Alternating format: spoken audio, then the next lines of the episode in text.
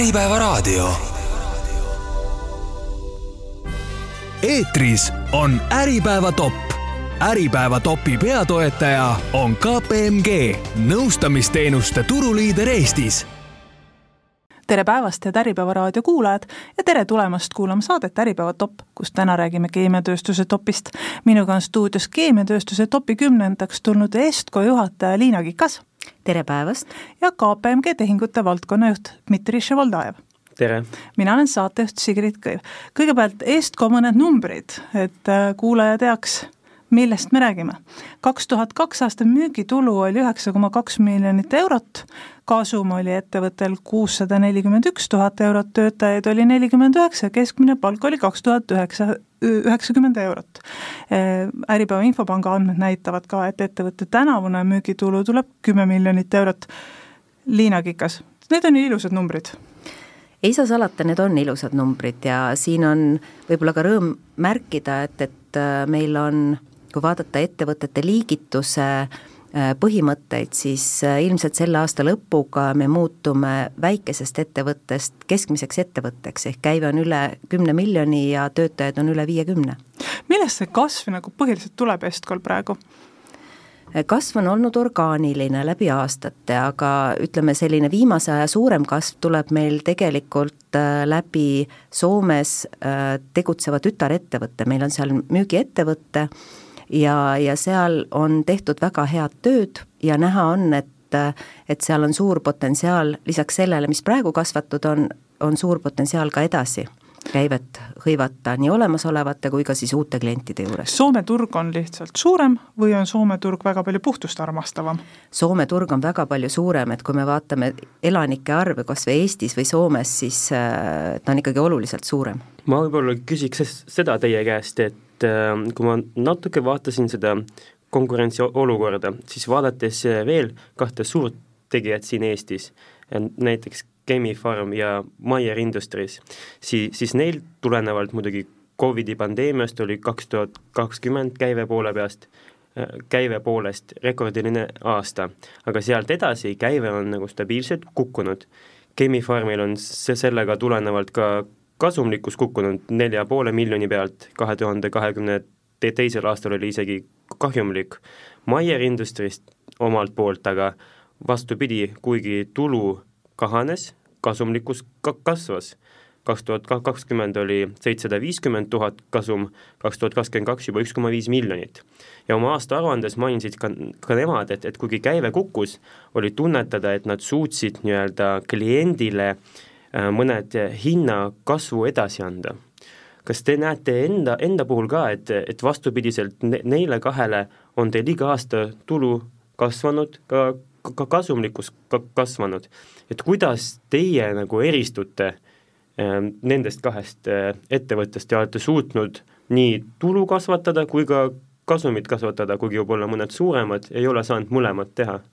Dmitrile ma vahele ütlen, et kahju, et raadiopilte näita, ma saaks näidata Estco müügitulu kasvu, mis läheb väga ilusas ühtlases kaares üles. No kindlasti see on ühtepidi meie müügiosakonna ja müügiinimeste väga hea töö. Ja, ja teisest küljest kindlasti on aidanud kaasa ka see, et et Estkol on väga hästi balansseeritud kliendiportfell ja tegelikult on väga lai tootesektorite valik, kus me tegutseme. et kui me tuleme nüüd tagasi sinna Covidi aega, siis äh, tegelikult kuni sinnamaani kätedeso kui selline ei olnud meie valikus oluline toode kui nüüd olu, äh, olukorras, kus nõudlus äh, maailmas väga kõvasti muutub, kui reageerida kiiresti, siis ma pean tunnistama, et kaks tuhat kakskümmend oli ka Estkole väga-väga hea käibeaasta. nüüd pärast seda tegelikult äh, kätedeso kui selline on vaikselt müüginumbrite poolest tagasi kukkunud, aga samas on juurde tulnud kõik need muud valdkonnad, milles me tegutseme. uuesti on toimima hakanud äh, Horeca sektor ehk siis hotellid, restoranid, kõik ühiskondlik toitlustus, avatud on koolid, enam ei töötata kodudes, kõik see on see koht, kus läheb vaja erinevaid puhastusaineid ja ja nende müügiga ja nende valmistamisega tegelikult meie tegelemegi. kuidas üldse nüüd see kaks tuhat kakskümmend kolm, mis kohe lõppema hakkab, kuidas see nagu läinud on, sest kaks tuhat kakskümmend kaks oli ju see aasta, kui oli päris palju inflatsiooni, kui väga palju tegelikult ju müügitulu kasvas mitte sellepärast, et maht kasvas, vaid sellepärast, hind kasvas, kumb teil kasvas rohkem, kas maht või hind? kahjuks kogu seda poolt, kus hinnad kasvasid, ei õnnestunud äh, klientidele edasi müüa Äh, sellepärast et äh, seal oli ju, me räägime praegu ainult Covidiga seotud kriisist, aga seal edasi tuli ju väga palju erinevaid kriise. seal tuli ülemaailmne logistikakriis, seal tuli juurde nii-öelda kiibikriis, siis olid, siis mingil hetkel tuli otsa Ukraina sõda mis, mis tegelikult keemiatööstust väga kõvasti mõjutab, ei saa salata, et, et hästi paljude äh, Äh, toorainete toorained tulevad ikkagi nagu Venemaalt või Valgevenest või kuskilt sealtpoolt, see on ju ajalooliselt ikkagi olnud nagu äh, nii-öelda nagu kemikaalide tootmisega tegelev, tegelev piirkond, et, et neid kriise, mida tuli lahendada, oli tegelikult väga-väga erinevaid. Ja, ja kulutase tootmises tegelikult äh, meil on üle, üle viiekümne protsendi tegelikult meie nii-öelda oma hinnast moodustavad ju tegelikult äh, toorained, taara, kogu see pool, et, et see, see, see kulutase tõusis päris kõvasti. et me ei räägi siin, et, et äh, hinnad tõusid viis protsenti või kümme protsenti, siin oli toorained, mis tõusid neli korda, viis korda, pluss nagu nende saadavusega oli ikkagi nagu probleeme. nüüd tänaseks päevaks on näha mingi osa tegelikult nende toorainete hindade tagasiminekut allapoole, aga no kaks tuhat üheksateist tasemest me oleme ikkagi väga kaugel veel. Äh, käive tõesti, võib öelda, et kasvas ka tänu sellele, et, et hinnad tõusid. kas kaks tuhat üheksateist tase on üldse tegelikult enam kättesaadav? Ma usun, et selle taseme saavutamine ei ole realistlik enam, ma arvan, et meil on tekkinud uus normaalsus, millega me peame elama. Dmitri, milline on sinu vaade sellele uuele normaalsusele, ma võin öelda, et, et peaaegu kõik juhid, kes on siin sellel hooajal Topi saates käinud, ütlevad, et uus normaalsus on see, et see vana ei taastu enam kunagi. Mm. -hmm ma võib-olla enne, kui ma sinna uue normaalsuse juurde liigun, ma tahaks ka, ka võib-olla küsida seda, et et ma saan aru, et Estco positsioneerib end pigem kui hulgimüüja. Ja, ja kui vaadata äh, Chemi-Pharmi või Meyer Industries, nemad on pigem jaemüüjad. ja kuidas te ise näete seda, et, et kas, kus on, kus te näete, on nagu praeguses olukorras parem olla, kas pigem nagu lõpptarbijale müüa või pigem te tahaksite nagu äridele edasi müüa või, või plaanite te ka näiteks tavatarbijatele tooteid välja lasta, et? Ma siinkohal natukene täpsustaksin, et Estco ei positsioneeri ennast kui, kui hulgimüüja, Estco positsioneerib ennast kui puhastusainete tootja professionaalsele kliendile. tänasel päeval meie tooteid jaevõrgus tegelikult äh, ei leia. kui me räägime nüüd Maieri poole pealt, siis, siis tõepoolest äh, enamus tooteid, mida nemad toodavad, liiguvad jaepoolele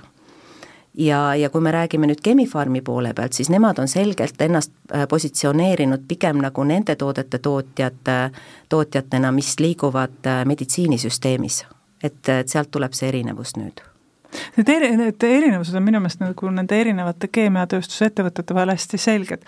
palju teil Eestis üldse konkurente on, Eestis ja Soomes siis, et kui see müük Soome on noh, selline, mida tahate kindlasti kasvatada, siis palju neid konkurente, palju te olete enda jaoks ära kaardistanud, et noh, nemad, neid me peame silmas pidama?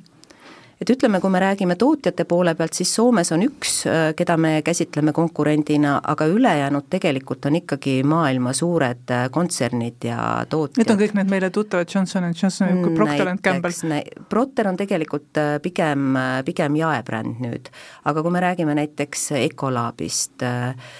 siis nemad on näiteks suur, suur konkurent meile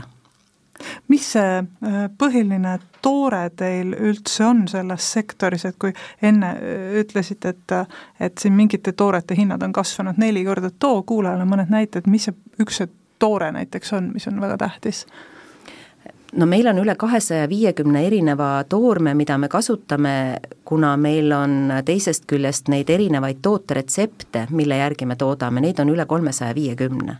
Et konkreetselt ühte välja tuua on väga keeruline, aga kui me vaatame toodete iseloomu järgi, näiteks puhastuses, see, mis puudutab äh, sanitaarruumide puhastust, siis seal kasutatakse pigem happelisi aineid, siis seal on erinevad happed, kui me räägime nüüd näiteks äh, Äh, kas või, kas või toitlustuse poolt, kus on rohkem rasvane mustus, siis seal on rohkem aluselised ained, et need toorained on väga erinevad. Et äh, on mingeid tooraineid, mida kasutatakse väikeses koguses, äh, ütleme lõhnaained, värviained, ja on mingid toorained, mida me ostame sisse nii-öelda paakautona, mida kulub siis palju. kaks tuhat üheksakümmend eurot keskmine palk, ilmselt tänaseks on see tõusnud, eks? palgateema on hästi keeruline teema, sellepärast et, et see ju hakkas peale eelmisest aastast äh, kus, kus tegelikult töötajate poolt vaadates palgasurve läks hästi tugevaks, me oleme eelmisel aastal ja sel aastal palku korrigeerinud ja, ja kahjuks, kui ma vaatan nüüd üldist inflatsiooni, siis, siis ikkagi see kulubaas töötaja jaoks on nii palju tõusnud, et see surve palkadele jääb jätkuvalt üles. et kui ma vaatan kas või töötaja poole pealt äh, Äh, eluasemelaenu intresside tõusu? Või kui ma nüüd tõesti murelikult vaatan ette, kuidas mõjutab kas või käibemaksu tõus töötajat, et ma siin kohapeal ei räägigi ainult nagu meie töötajatest, aga vaatame asja laiemalt, kõikvõimalikud äh, töökohad, äh, jõuame sinna müüjateni, kassapidajateni, ma ei tea, bussijuhtideni, kuhu iganes, et, et see palgateema ilmselt on aktuaalne kogu, kogu Eestis jah, ma oleks tegelikult muidugi küsinudki seda, et kuidas te tööandjana seda, seda valitsuse maksumuudatusi vaatate. Dmitri, sinu hinnangul, kui pa-, kaua see palgasurve veel võiks kesta? Või see tegelikult kestab nüüd nii, et, nii et kestab, me kõik räägime lastelastele naljakaid lugusid? Eh, tuues siis veidi statistikat juurde, et siis äh, Statistikaameti andmete põhiselt eh, teises, teise kvartali seisuga on siis Eesti keskmine brutopalk tuhat kaheksasada seitsekümmend kolm eurot, mis on siin siis eelmise aastaga võrreldes kasvanud kaksteist protsenti. ja eelmise kvartaliga võrreldes seitse pool protsenti see, samas, mis, mida me näeme, on aga see, et, et tööjõupuudus on, on suurenemas, et töötute arv Eestis äh, kasvas kolmandas kvartalis ja on jõudnud äh, viiekümne viie tuhande inimese peale, mis on umbes seitse protsenti nii-öelda meie, meie töötajaskonnast. Ja ja me oleme seal tasemel, kus me olime umbes kahe tuhande kahekümnenda aasta kolmandas, neljandas kvartalis. ehk, ehk tööjõupuud-, noh, töö, töö, töötute arv on, on päris suureks läinud. samas aga Eesti Pank on oma majandusprognoosides äh, ka kommenteerinud, et äh, et ettevõtete huvi töötajaid nagu juurde värvata on, on, on läinud väiksemaks. ja mitmes tööstussektoris kui ka teenindusvaldkondades on, on töökohtade arv vähenenud ja se-, selle pealt me näeme, et, et ka Eesti Pank prognoosib, et, et palgakasv on aeglustumas. Äh, see, et nüüd, et kui palju aeglasemaks ta läheb, seda, seda on nagu raske kommenteerida samas ma omalt poolt ütlen seda, et, et, et ei ole palk see, mis ainukesena töötajat ettevõttes kinni hoiab. et meie näiteks oma töötajatele pakume hüvena tervisekindlustust mis, mis omab siis erinevates valdkondades erinevaid äh, nii-öelda katteid, mida saab kasutada, näiteks saab käia hambaarsti juures või näiteks saab kasutada tasulisi arstiteenuseid ja tänasel päeval, kus äh, ma pean jälle tunnistama, et meditsiinivaldkonnas on olukord keeruline, arsti juurde saamine on keeruline, siis äh, tegelikult selline tasulise meditsiiniteenuse kasutamise võimalus on, on töötajale hüve mis tegelikult äh, ühtepidi võib-olla aitab ka seda palga äh, suurust äh, natukene kompenseerida. nüüd teisest poolest, mida ma tahaksin öelda, on see, et, et kui me räägime siin ütleme siis nagu tööd otsivate inimeste arvu suurenemisest, siis me seda väga kõvasti täheldanud ei ole. et kui ma toon näiteks, et kui siin noh, näiteks aastal kaks tuhat neliteist me otsisime lattutöötajat, siis sellel ajal tavapäraselt tuli umbes nagu sada kaheksakümmend CV-d või sada kakskümmend CV-d, igal juhul neid oli nagu palju. nüüd vahepeal ütleme seal kaks tuhat kakskümmend üks, kui me otsisime inimest, siis oli meil hetk, kus me laotöötaja jaoks me saime ühe CV, rohkem ei tulnudki, õnneks üks sobis. miks nii? Mis vahepeal muutunud oli? ma ei tea, kuhu need Hakkas inimesed kadusid. ma ei tea, inimesed olid vahepeal kadunud, see oli ju see kriis, kui me kas või Amsterdami lennujaamas nägime seda, kus äh, turvakontroll võttis aega kolm tundi selle ja, ja pidevalt äh, vabandati, et vabandage, et inimesi ei ole. et see oli nüüd see peale Covidit aeg, äh, kus, kus tegelikult töötajad olid kadunud. kas nad siis vedasid Bolti Boltiga sööki, mida ma olen kuulnud tegelikult läbi oma laste, noorte hulgas oli see populaarne variant, kaks nädalat teed tööd, ülejäänu ajal oled lihtsalt niisama vaba, aga põhimõtteliselt töötajaid ei olnud. tänasel päeval on olukord läinud natukene paremaks, kui me otsisime lattu töötajat, minu arust tuli kuskil viisteist CV-d. leidsite? leidsime. no võib-olla ka kommenteerides enda kui, kui ettevõtte poole pealt ka KPMG vaatest, et, et mida me oleme võib-olla täheldanud, et et see palgakasv on,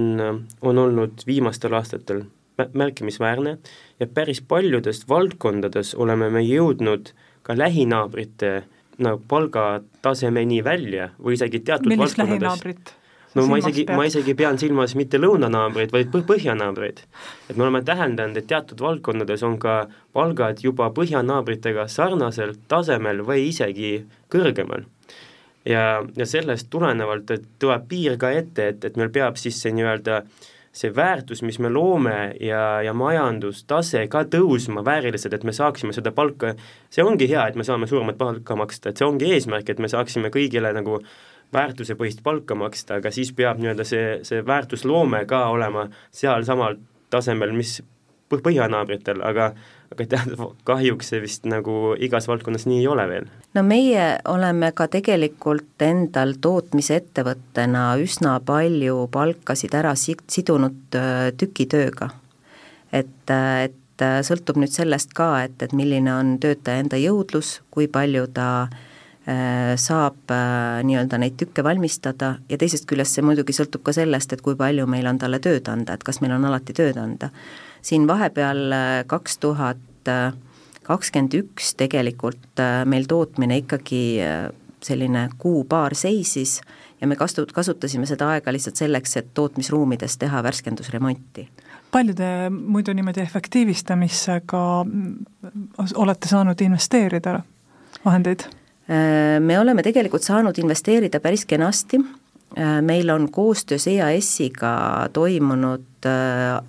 projekt, arenguprogramm. ja, ja tegelikult me olemegi selle märgilise koha juures, meil on valmis äh, toodetud tooted, mis on nüüd äh, jaekliendi sari ja jaes ei ole meid kunagi varem olnud. Ja, ja meil on praegu hetkel käimas läbirääkimised võimaliku edasimüüjaga. Ja ma tahaksin loota, et siin juba aasta lõpus, et äh, me leiame esimesed jaekauplused, Äh, kus on võimalik meie toodetega tutvuda ja neid endale soetada. ja eesmärgiks, mida me siis võtsime, me võtsime endale eesmärgiks äh, luua jaekliendile äh, keskkonnasõbralikud puhastusained, mis tegelikult puhastavad ka kas te kasutate seda reklaamlausena?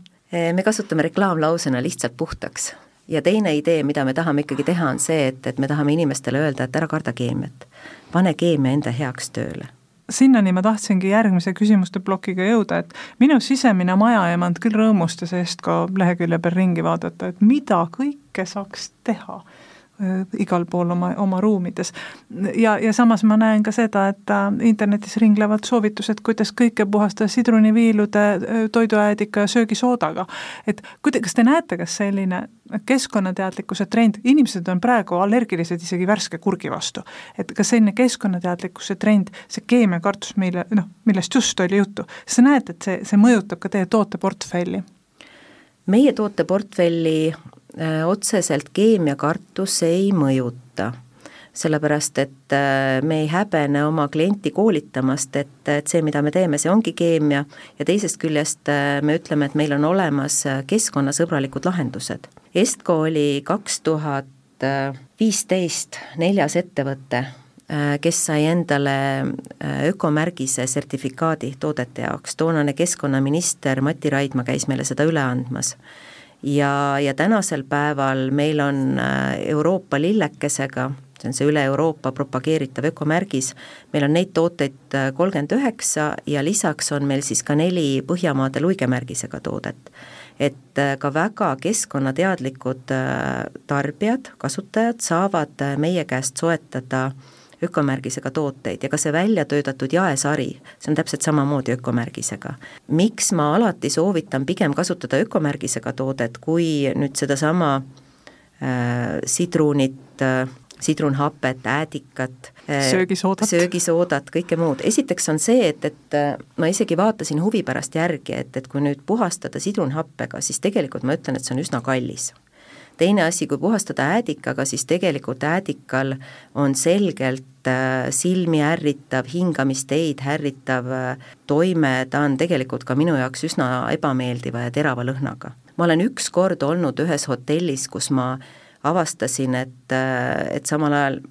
kui ma käisin, oli selline nii-öelda siis nagu tualetiruum, et siis seal oli koristaja, kes peeglit pesi äädikalahusega. kui ma küsisin, et miks ta seda teeb, siis ta väga selgelt ei osanudki vastata, ta ütles ka, et, et noh, et, et see ei ole keemia. tegelikult see on kõik keemia, isegi vesi on keemia. et äh, kui me nüüd vaatame sedasama üle Euroopa propageeritud äh, Euroopa Liidu lillekesemärgist, siis see põhineb teaduslikel alustel. seal on olm-, olemas teaduslikud kriteeriumid, seal vaadatakse kogu toote elutsüklit, et ta oleks loodusele ohutu ja lisaks äh, selle konkreetse märgisega äh, vaadatakse ka seda, et see toode oleks tõhususelt samaväärne kui teised analoogsed tooted.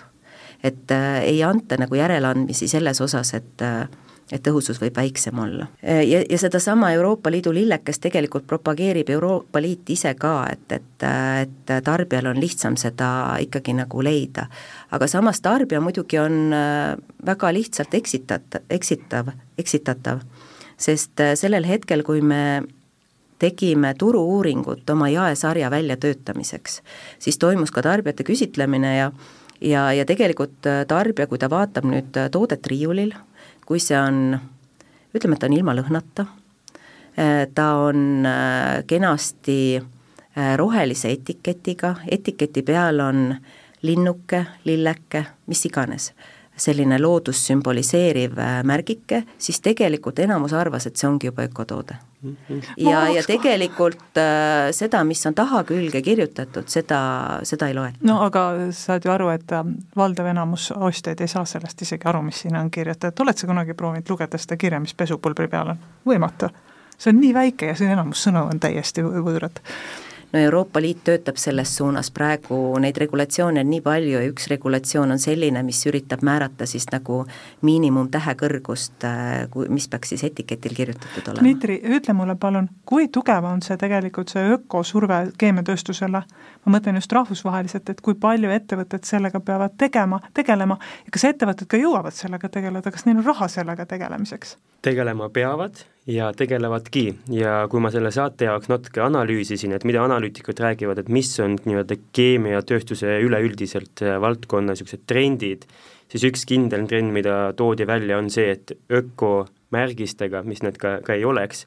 toodete müük kasvab aastast aastasse. Ja, ja see kasv jätkub ning paljude toode, tootegruppide puhul nähakse isegi, et sellest on saamas uus norm, et just, just, just need tooted hakatakse ostma ja, ja noh, tarbijad, eriti professionaalsed tarbijad, nad on haritud, nad on teadlikud ja ja nad äh, jälgivad ka re regulatsioone, mille alla ka nemad lähevad, et nad noh, peavad siis teatud nagu tooteid ostma või teatuid nii-öelda aineid vältima. ja ka üleüldiselt nii-öelda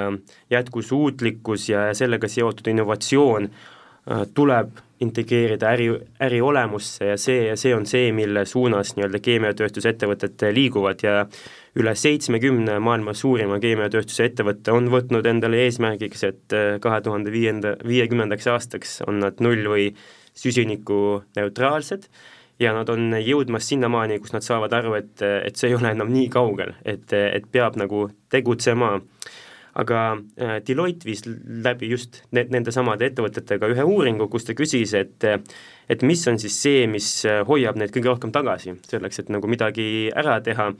ja siis tihti mainitigi seda, et et kas siis neid nii-öelda süsinikku sisaldavaid, süs-, vähem süsinikku sisaldavaid alternatiive on siis äh, vähe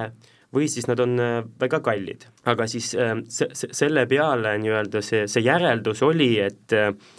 et jah, nende võib-olla alternatiivide hinnad on kõrgemad, kuna, kuna neid nii-öelda alternatiive on alles välja arendatud ja nii-öelda see, see skaleerimine ja, ja tootmismahtude kasv on alles tulemas, mis saaks hinna alla viia. ja sellepärast peavad ettevõtted, nii nagu nad näiteks teavad, et nad peavad ettevõtte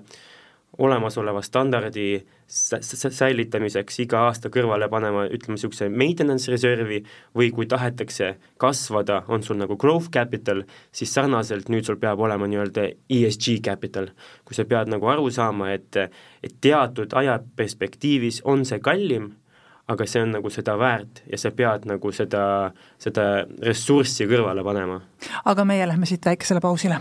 Tere tulemast tagasi kuulama saadet Äripäeva top, mina olen saatejuht Sigrid Kõiv, minuga on siin Estko juhataja Liina Kikas ja KPMG tehingute valdkonnajuht Dmitri Ševaldajev, me räägime keemiatööstuse topist.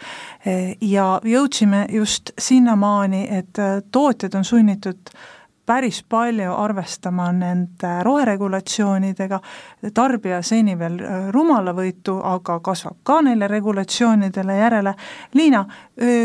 kuidas te näete seda uut, uusi tehni-, tehni-, tehnoloogilisi arenguid just oma, oma tootmises ja oma tehas, et palju te peate oma tooteid äh, selle võrra kogu aeg edasi arendama, et äh, tarbija tahab olla järjest rohelisem ja järjest ökom ja no see arendustöö käib meil pidevalt ja, ja meil on eraldi oma labor, kus äh, alates järgmisest nädalast töötab neli arenduskeemikut, üks meil lisandub juurde, ja, ja nende ülesanne on siis ühtepidi arendada välja uusi loodussõbralikemaid äh, Äh, puhastusaineid, aga teine osa, mis tegelikult äh, ka nende poole, nende, nende töö poole langeb, on, on kogu see dokumentatsiooni korrashoidmine. ja, ja kui me räägime nüüd ka äh, rohepöördest kogu selles seadusandlikus valdkonnas, siis on tore näide näiteks, mida ma nägin äh, Berliinis oktoobris toimus äh, keemiatööstusele mõeldud äh, Sepava konverents. Ja seal nüüd spetsiifiliselt toodi välja näitena, et kui näiteks, kui me vaatame aastat kaks tuhat kakskümmend, siis viimase viiekümne aasta jooksul oli tegelikult seitse põhilist regulatsiooni, mis reguleerisid keemiatööstusettevõtteid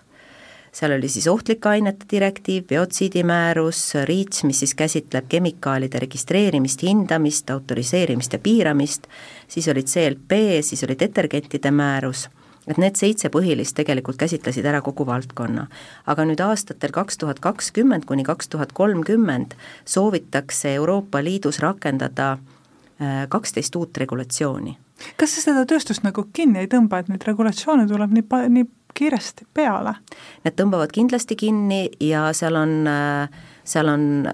nende regulatsioonidega on seotud äh, täiendavad kulutused ja mida ma näen, on see, et, et see tegelikult äh, tõmbab alla meie investeerimisvõimekust. ja, ja osad nendest regulatsioonidest on minu enda jaoks isiklikult küsitavad et kui me nagu vaatame, no nagu näiteks, kui me võtame siin praegu väga-väga populaarsed äh, tuuleenergia, tuulikute rajamise pargid, kui me võtame päikesepaneelid ja, ja, ja nende rajatud pargid, siis minu küsimus on näiteks see, et et mis saab tuuliku tiivikutest kahekümne aasta pärast. praegusel hetkel need on komposiitmaterjal, nendele puudub kasutamine, neid ei osata mitte kuidagi äh, utiliseerida ja kui me vaatame nüüd seda tuuleparkide hulka, mida maailma nagu hetkel luuakse, siis see tähendab seda, et, et nende ainuke utiliseerimine tänase päeva teadmiste juures on see, et need maetakse maha. oleme tinglikult nagu natukene rohelised, aga teisest küljest me tekitame endale juurde äh, jäätmeid. ma tegelikult pidasin silmas, et kas, kas keemiatööstust ka puudutab miski, mis, mis teie arvates on selline küsitav regulatsioon? Eh, keemiatööstust, eh, võtame siitsamast näiteks, eh, võtame näiteks pakendid, mida praegu vaadatakse üle, just eelmine nädal oli Kliimaministeerium saatis, käis kooskõlastamisel, oli, oli siis jäätmeseadus, pakendiseadus ja, ja kus tegelikult ju põhirõhk läheb praegu ka pakendiettevõtjale ja läbi mille ju tegelikult äh, tahetakse teha ka uus maks, mis siis hõlmab nii-öelda ringlusesse mitte lastud pakendit veel, et tuleb täiendav maks juurde lisaks sellele pakendiaktsiisile, mida me teeme, ja, ja kogu teema on küsitav, sellepärast et, äh, et kui me vaatame äh, nagu äh, Eurostati andmeid, siis tegelikult ju äh, Äh,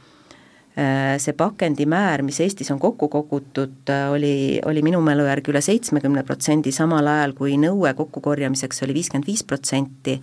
Ja, ja, ja põhipõhjus äh, üleüldse nagu, miks me selle jäätmeteemaga nagu praegu räägime, on see, et biojäätmete kogumine liigiti hakkas liiga hilja ja tegelikult äh, kui me võtame välja, siis on ka palju jäätmeid, mille puhul liigiti kogumiseks puuduvad üldse võimalused, võtame näiteks tekstiiljäätmete kogumise. et praegu selle uue seadusega pigem nagu pannakse raskuskehe, kese selle pakendi äh, tootja peale või pakendi ringlusesse laske peale, aga see ei ole tegelikult üldse nagu Äh, asi, mida hetkel peaks äh, reguleerima, see on nagunii olemasolevate seadustega reguleeritud. Dmitri, mulle tähe-, mulle tundub, et äh, sellisele nõustamisteenuse osutajale see tähendab ainult veel rohkem leiba ja võid. see annab ju kõvasti tööd tegelikult selliste noh, kohatiste isegi võib-olla mingit sorti ülereguleerimiste teema või või midagi peab ju ometi tegema, kuidagi peab selle vastama ei, selles mõttes kindlasti, et äh, tulenevalt sellest äh, roherevolutsioonist, äh, jätkusu-, jätkusuutlikkuse temaatika olulisusest on tekkimas üha uued ja uued regulatsioonid ja nad võib-olla tulevad kõik ühele samal ajal peale, aga võib-olla mis, mis ma tahtsin uurida ja üks teema, mida me ka algusest natuke arutasime, oli see, et, et Covidi ajal olid tar-, tarneahelad häiritud päris mõjuvalt. Siis tuli Ukraina-Venemaa konflikt, sealt ka tarneahelad uuesti mõjutatud. Ja see laiem trend, mida on, on ka laiemalt keemiatööstusest juba paar aastat olnud, ongi see, et nii-öelda, mida nimetatakse nearshoring või siis tarneahelate lokaliseerimine, et kas te olete ka näinud, et, et tarneahelad on, on muutunud veidi lokaalsemaks, olete te ise teinud, astunud samme, et neid lokaalsemaks muuta või pigem tulenevalt nii-öelda sellest tooteprofiilist on, on väga raske võib-olla ühte tarnijat asendada teisega, et äh, pigem tulenevalt tooteprofiilist on väga raske asendada ühte tarnijat teisega. ja, ja mida ma siin näen, on võib-olla Euroopa Liidu tasandil, sellest on tegelikult räägitud ka rohkem, näiteks Saksamaa on maa, kus toimub äh, väga palju äh, Äh, nii-öelda meie mõistes toorainete tootmist ja tänu siis ikkagi nendele kõrgetele energiakandjatele, energiakandjate hindadele, tegelikult ju ka Saksamaal toimub deindustrialiseerimine, et et pigem nende toorainete kättesaadavus äh, kahaneb ja see on nagu keerulisem mm. -hmm. et tegelikult võib, võib isegi olla keemiatööstuses tegutsedes ühel hetkel olukorras, kus te peate toodet muutma, sest tooret ei saa kätte enam Äh, see on meile väga tuttav olukord, et äh, ikka siit-sealt teatatakse, et on äh, tegemist force majeure olu-, olukorraga, põhjused on erinevad, seda on olnud Covidi ajal, kuna selle tehas on suletud seoses sellega, et, et on olnud karantiinis, või on olnud näiteks Saksamaal Reini jõe veetase liiga madal ja ei saa toimetada tooraineid. et tegelikult meie keemikutele see ongi kõige keerulisem olukord, meil on toorainet näiteks, mis on kuuekümnes tooteretseptis, osa nendest äh, toodetest on näiteks autokeemiatooted või näiteks, äh, või näiteks äh, kuskil restoranis või sööklas kasutatava masinõudepesu toorained ja me ei saa ju panna silti üles autopesul uksele, et, et, et palume väga vabandust, aga seoses sellega, et, et tootjal on force majeure olukord, et siis täna pesta ei saa. šampooni pole peske puhta veega. Äh, kas äh, enne ukse taga ütlesid sa, et sa läksid Eestkosse tööle kahe tuhande kaheteistkümnendal aastal ja nüüd on aasta kaks tuhat kakskümmend kolm, sa oled töötanud siis üksteist aastat kas on selle aja jooksul toimunud tootmises mingeid selliseid muutusi, mida sa võid öelda, et sa ei näinud ette, et see, see areng selliseks kujuneb? see tootmine ei ole võib-olla nii palju muutunud, aga ma näen, et neid muudatusi on tulemas, et tegelikult on ju küll väga-väga erinevaid tooteid, mida propageeritakse Äh, kuna tavaline puhastusaine, ega tema põhikomponent ikkagi ka üsna sageli on vesi, siis üritatakse luua tooteid, mida tarbija äh, saab äh, ise kodus siis pudeli sisse valmis segada. et on olemas variandid erineva pisikese pakikese, aga pulbri näol või siis on olemas variandid tableti näol, et, et ma saan aru küll, et see lahendus tegelikult ühtepidi ta on äh, Äh, käsitlemise osas kindlasti lihtsam, äh, logistiliselt äh, pakikese tarnimine kindlasti on, on soodsam kui kui äh, ütleme seal kanistrite tarnimine. pakendit on vähem. jah, pakendit on vähem. võib-olla jääb üles ohutuse teema, et tegelikult on ju katsetatud ka Eestis varianti, et et on tooted poes ja tarnija, tarbija läheb ja ise täidab nagu seda pudelit seal poes. Aga kuna me koolitame näiteks ka oma kliente ja, ja meie arenduskeemikud, nad alati, neile meeldib klientidega rääkida, kelleks on sageli, ütleme, see lõppkasutaja on see koristaja, ja me kuuleme, kui palju tegelikult äh, tehakse nii-öelda seguseitset et kui meil on näiteks mida see tähendab? see tähendabki seda, et, et äh, ma võtan siit pudelist, panen plupp-plupp ja teisest panen ka plupp-plupp-plupp ja siis nagu sellega ma puhastangi. et äh, üks osa meie koolitusest tähendab ka seda, et, et me jätkuvalt tuletame meelde, et aineid tuleb kasutada õiges kontsentratsioonis ja õige aine peab olema kasutatud õige koha peal. et äh, tegelikult see osa säi-, säästab loodust nagu palju rohkem. nüüd, kui me räägime sellest, et et tarbijal on võimalik ise kuskil midagi täita ja midagi teha ja me ei tea ka seda, et, et kas see pudel ennem oli puhas või mitte, tekib tootja vastutuse küsimus,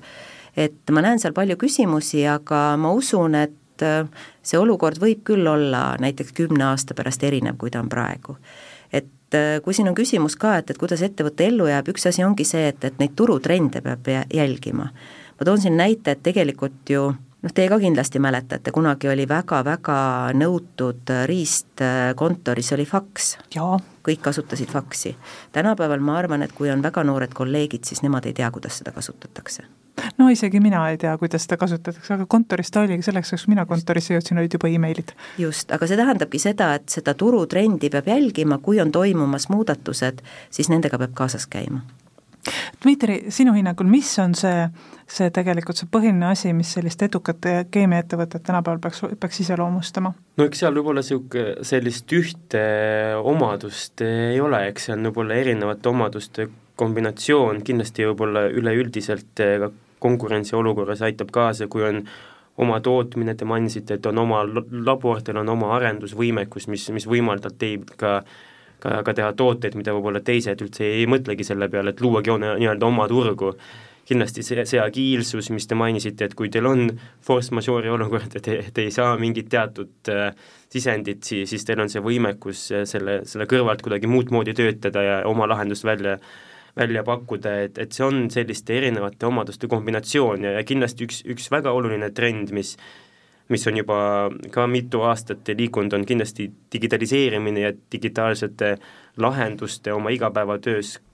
igapäevatöös kasutamine, et üks trend, mida analüütikud tõid välja, on see, et et digitaalseid lahendusi kasutatakse keemiatööstuses juba aastakümneid. aga võib-olla mis, mis muutus on hetkel tulemas, on see, et, et kui varasemalt kasutati digitaalseid lahendusi äh, silodes, et mul on äh, mingi probleem ja seda ühe probleemi jaoks ma kasutan te-, äh, teatud lahendust ja see on kõik, siis praegu pigem vaadatakse niimoodi, et digitaliseeritakse kogu äri, kõik äriprotsessid, et sa saaksid nii-öelda,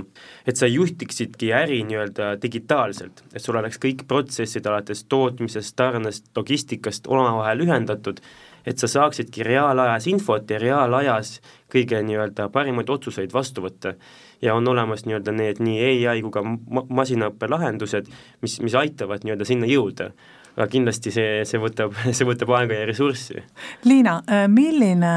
teie hinna, sinu hinnangul saab olema see järgmine aasta? kas sa, esiteks, kas selle aasta tulemused jäävad plusspoolele ja missugune see järgmine aasta saab olema, kas on mingisugune kriis juba, juba teil kontoris valmis kirjutatud, et nii ja nii palju töötajaid tuleb ära saata, nii ja nii palju tootmisliine, tooteliine tuleb kinni panna? no meie praegusel juhul pigem keskendume sellele, et äh, meie käive kasvab, meie mahud kasvavad. Ja, ja me oleme tegelikult selles punktis, kus me peame järgi mõtlema, meie olemasolevad laopinnad on meile natukene kitsad kui me nüüd ikkagi soovime kasvada, siis me peame leidma seal lahenduse, kas selleks on siis rendiladu või kuidas me läheme, eh, seda, see on praegusel hetkel otsustamise koht, aga kindlasti sellised muudatused, nagu meil on vaja, ehk meil on vaja siis kasvamiseks tekitada nagu õige baas, meil on vaja laieneda, et meil oleks nagu võimalust kasvada, siis tegelikult see tähendab seda, et, et tekib nii-öelda kuluhüpe ma näen, et meie kulud äh, tõusevad ja, ja nüüd sinna nende tulude toomine, et, et ta tuleb võib-olla väikese viitega, et äh, et loomulikult tahaks kasvada niimoodi, et kõik on alati kenasti proportsioonis, aga nendel pindadel, kus me oleme, me oleme olnud äh, alates aastast üheksakümmend kuus ja, ja paraku nad on jäänud väikseks ja me peame seal muudatusi tegema, et, et selles mõttes nagu ta on kasvuga seotud kulubaasi kasv. aga teie nii-öelda ninaots on ülespoole ja, ja äh, ikkagi e lähete vastu sellisele kasvuprotsessile? me pigem läheme vastu kasvuprotsessile, äh, kui ma vaatan läbi aegade, meie puhul on tegemist ju puhastusainete tootmisega ja ma olen täiesti kindel, et puhastamine kui selline ei kao ära kui me räägime sellest, siis, siis vee ja lapiga võib pesta küll, aga tegelikult lõpuni puhtaks ei saa. ja kui me, ja kuna meie business on, meie äri on põhiliselt ikkagi professionaalse kliendi juures, siis kui ma vaatan kõiki restorane, sööklaid, lasteaedu, koole, vanadekodusid, no kindlasti jääb sinna puhastamine. et kõikide kriiside juures, mis on olnud ja kõikide nende sektorite juures, mis meil on, siis kõik need sektorid korraga kriisis kindlasti ei ole aga meie aeg on siit läbi saanud, minuga olid stuudios keemiatööstuse topi kümnendaks tulnud eestkoju juhataja Liina Kikas ja KPMG tehingute valdkonna juht Dmitri Ševoldajev. mina olen saatejuht Sigrid Kõiv ja me kuuleme jälle nädala pärast. eetris on Äripäeva top äripäeva topi peatoetaja on KPMG, nõustamisteenuste turuliider Eestis